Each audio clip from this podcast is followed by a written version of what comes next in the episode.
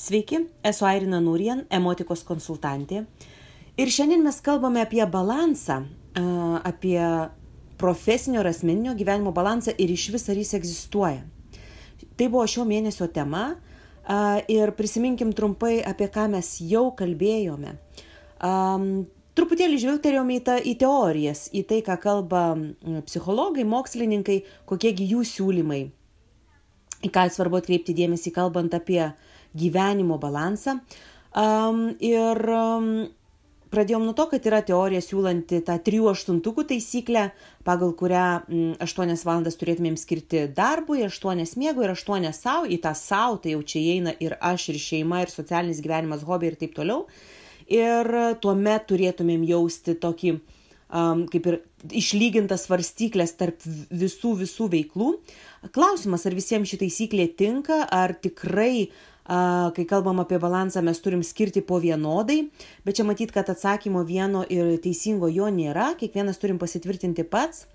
Taip pat pažvelgėm į teoriją, kurią siūlo mokslininkai Kasper Vaziri ir Vein. Jie atlikę tyrimą Work-Life Balance siūlo tokį modelį, kuriame akcentuoja ne tiek kiekybę, kiek kokybę ir siūlo atkreipti dėmesį į keturis faktorius, kurie labiausiai prisideda prie balansinės būsenos. Ir jie yra tokie. Pirma, įsitraukimas. Tai yra, kiek laiko ir energijos investuoju į skirtingas veiklas. Ir čia matom, kad netiek svarbu a, tas kiekyb, kiekybė laiko, kiek svarbu pats įsitraukimas. Tai iš tikrųjų buvimas tame, ką aš darau. Antras faktorius yra kompetencija, kiek esu produktyvus, ar pasiekiu rezultatą, ar tiesiog darau, darau, darau, darau ir atrodo, kad niekas ne, ne, neatsitinka, nėra jokių e, už apčiuopiamų rezultatų. Trečias faktorius - emocijos. Kaip jaučiuosi skirtingose srityse, ar tai man suteikia pozityves, konstruktyves emocijas, tai mane energizuoja, tai mane ramina, ar kas tai bebūtų, bet ar tai yra konstruktyvu ar destruktyvu. Ir ketvirtas faktorius yra vertybės ir prioritetai kiek skirtingos veiklos man yra svarbios ir šiuo metu prioritetinės. Ar jos atitinka mano vertybės, ar bent jau veda jų link. A, taigi šiuo atveju balansas suprantamas daugiau kaip subjektyvus suvokimas, kuriu, kurį a, tikrinantis reiktų atkreipti dėmesį į tokius keturis faktorius.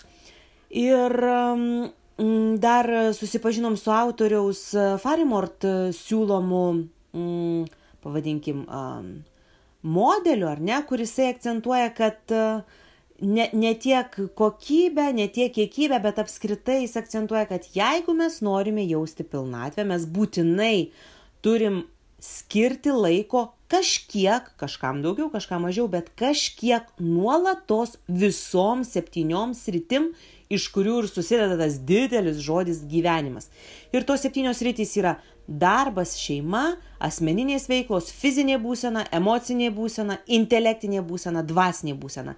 Ir pasak autoriaus, daug problemų kyla dėl to, kad mes susikoncentruojam dažniausiai tą darbas ir šeima į tas dvi sritis, o iš tikrųjų jų yra septynios ir mes tikrai nejausim pilnatvės, jeigu mes pamiršime kažkurias iš jų.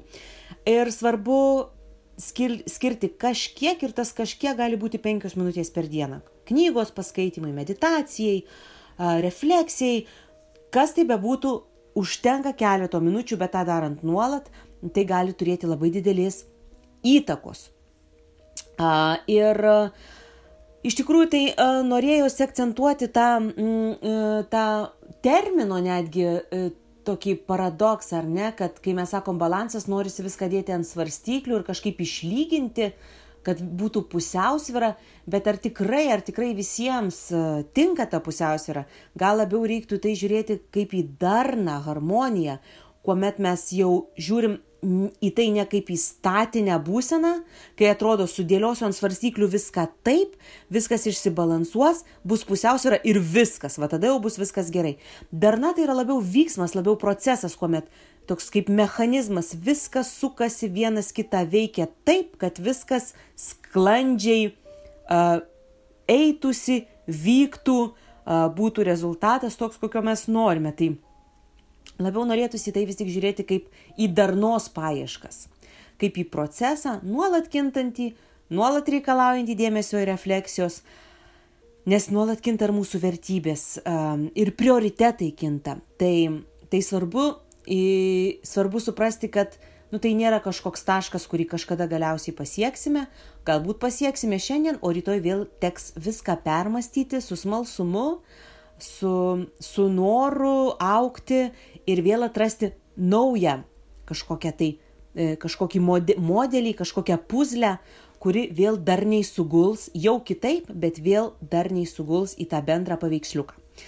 Tai panašu, kad kai mes kalbam apie darną kaip subjektyvų suvokimas, kaip skirtinga kiekvienam ir paremta ne tiek konkrečiu laiko kiekiu skiriamų kažkokioms veikloms rytims, o labiau, o labiau tą kokybę, labiau gylių, tai norisi akcentuoti du kriterijus, padedančius jausti pilnatvę kasdienybėje. Ir tie du kriterijai yra vertybės ir samoningumas. Kai kalbam apie vertybę, svarbu žinoti, kas man šiuo gyvenimo etapu svarbiausia, kokie mano prioritetai ir tikrintis, ar skirtingose savo veiklose tos, tas vertybės turiu, ar bent jau einu jų link. Ar savo darbiniai veikloj, asmeniniai, šeimos, fiziniai ir taip toliau ir taip toliau, ar tose gyvenimo srityse aš realiai gyvenu pagal savo vertybės ir ką aš galiu padaryti, kad jų būtų daugiau tose srityse, ar ne?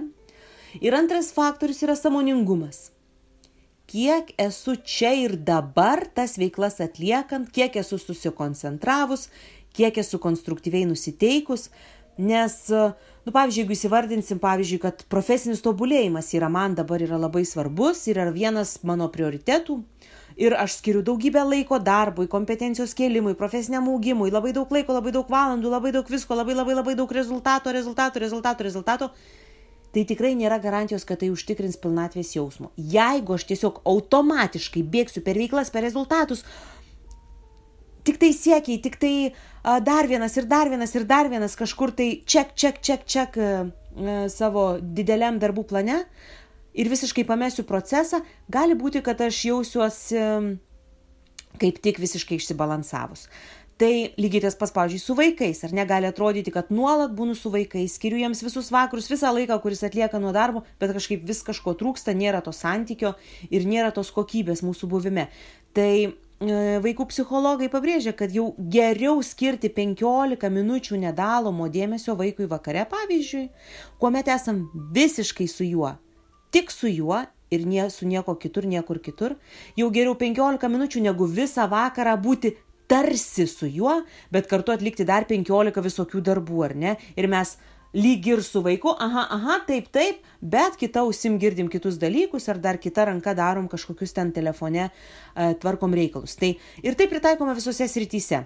Uh, mokslininkai jau dabar sutarė, kad multitaskinimas yra mitas ir jeigu norim iš tikrųjų efektyviai ir kokybiškai kažką atlikti uh, ir būti maksimaliai produktyvus, tai turime susikoncentruoti į vieną veiklą, į ją įsitraukti ir tik tada pa, pa, yra tikimybė pasinerti į tą flow būseną.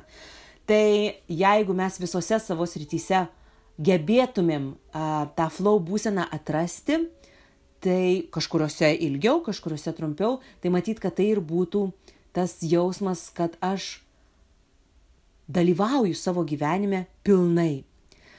Ir darbo vietos tyrimai rodo, vat, pavyzdžiui, Gallups World Poll, kad 63 procentai, čia globalus, globalaus masto tyrimas, 63 procentai visos darbo jėgos yra, taip angliškas yra terminas sleepwalking, e, e, savo e, kasdienėse darbo veiklose reiškia kaip lunatikai, ar ne tiesiog, tiesiog automatiškai eina, automatiškai um, pra, prabėga per savo tą darbinę dieną, tai reiškia, kad jie nėra aktyviai įsitraukę ir sąmoningai tame nedalyvauja.